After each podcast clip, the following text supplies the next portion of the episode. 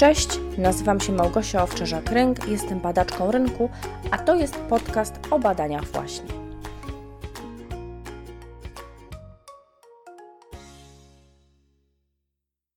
Dziś zaczynam takim tematem wprowadzającym. Chcę Ci opowiedzieć, skąd w ogóle pomysł na to, żeby takie podcasty zacząć nagrywać. Aby odpowiedzieć sobie na to pytanie, musimy cofnąć się 12 lat wstecz. Wtedy skończyłam psychologię na Uniwersytecie Warszawskim.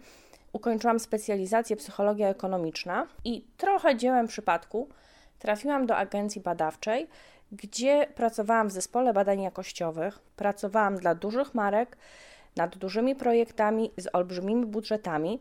Głównie zajmowałam się wtedy badaniem usług i pewnym momencie to, w czym się zaczęłam specjalizować, to było badanie satysfakcji klientów. I to jest coś, co właściwie zostało ze mną do tej pory i poza wszystkimi innymi badaniami, które robię, badania satysfakcji to jest absolutnie mój konik. W agencji spędziłam kilka lat, tam szlifowałam swoje umiejętności. Pod okiem doświadczonych kolegów nabywałam praktyki jako moderator, czyli uczyłam się, jak prowadzić wywiady indywidualne i wywiady grupowe. I przyszedł czas na zmianę. Stanowiłam spróbować swoich sił w nieco innym otoczeniu, w startupie technologicznym.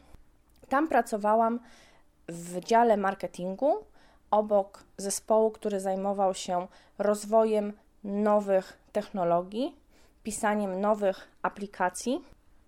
I to, czym między innymi się zajmowałam, było dostarczanie wiedzy rynkowej, wiedzy biznesowej danego obszaru, tak żeby rozwój danej technologii, danego rozwiązania był adekwatny do tego, co się dzieje na rynku. Jak pewnie możesz sobie wyobrazić, realia startupu są zupełnie inne niż agencji badawczej.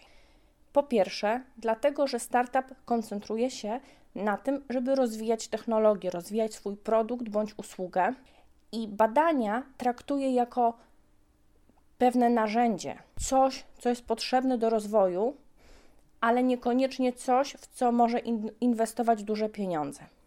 Dlatego nasz budżet wtedy był bardzo mały, natomiast potrzeby informacyjne były olbrzymie.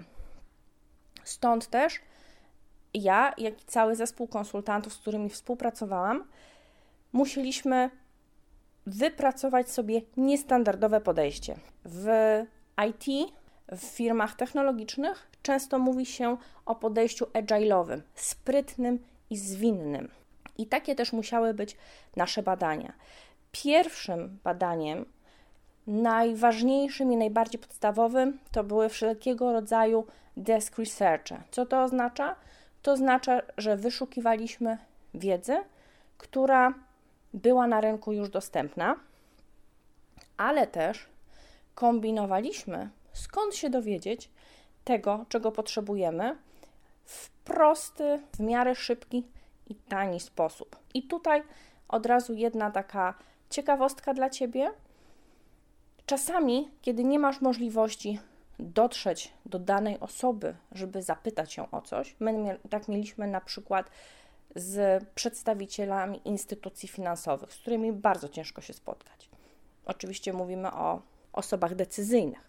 To możemy porozmawiać z ludźmi, którzy z nimi współpracują na co dzień, bo też mają pewne wyobrażenie, pewną wiedzę o specyfice branży, o problemach itd. Tak, tak mniej więcej wyglądał mój etap, nazwijmy to startupowy. Gdzieś w międzyczasie, w tym okresie, trafił mi w ręce podręcznik startupu, książka, którą absolutnie Ci polecam. Nawet jeżeli nie jesteś startupem technologicznym i nie masz takich planów, to jest świetna pozycja, która pokazuje, jak badania są wpisane w ciągły rozwój biznesu, jak badania są na usługach biznesu. Jak to robić sprytnie, jak to robić zwinnie, jak to robić szybko i możliwie bezkosztowo. Więc przeczytałam sobie tą książkę podręcznik startupu, przyswoiłam opisane tam podejście customer development, czyli rozwój rozwiązania technologicznego w oparciu o potrzeby i oczekiwania klientów i taki stały monitoring tych potrzeb, oczekiwań i na ile dane rozwiązanie trafia w te potrzeby, w te oczekiwania. I przyszło lśnienie. Wtedy przyszło lśnienie, że te badania można robić trochę inaczej. I że te badania, które znałam na samym początku z dużych budżetów, z wielkich marek, właściwie może robić każda firma, może robić każdy przedsiębiorca. To był mniej więcej 2015 rok i właściwie potem nie wydarzyło się nic. Trochę to olśnienie sobie tak zostało i jeszcze nie miałam pomysłu, co dalej z tym zrobić.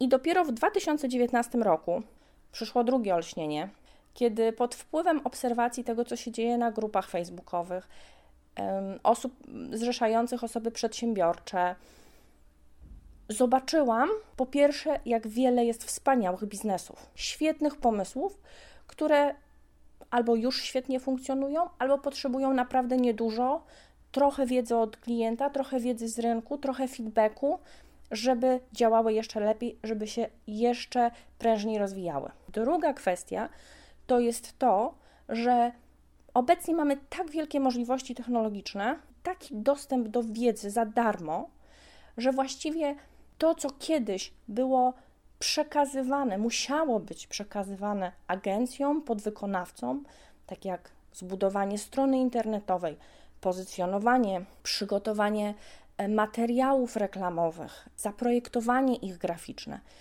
To wszystko kiedyś trzeba było zlecić. W tej chwili mamy takie możliwości, że nawet przedsiębiorca, jednoosobowa działalność gospodarcza jest w stanie to ogarnąć. Oczywiście trzeba się tego nauczyć, zajmuje to trochę czasu, ale można zrobić to samemu.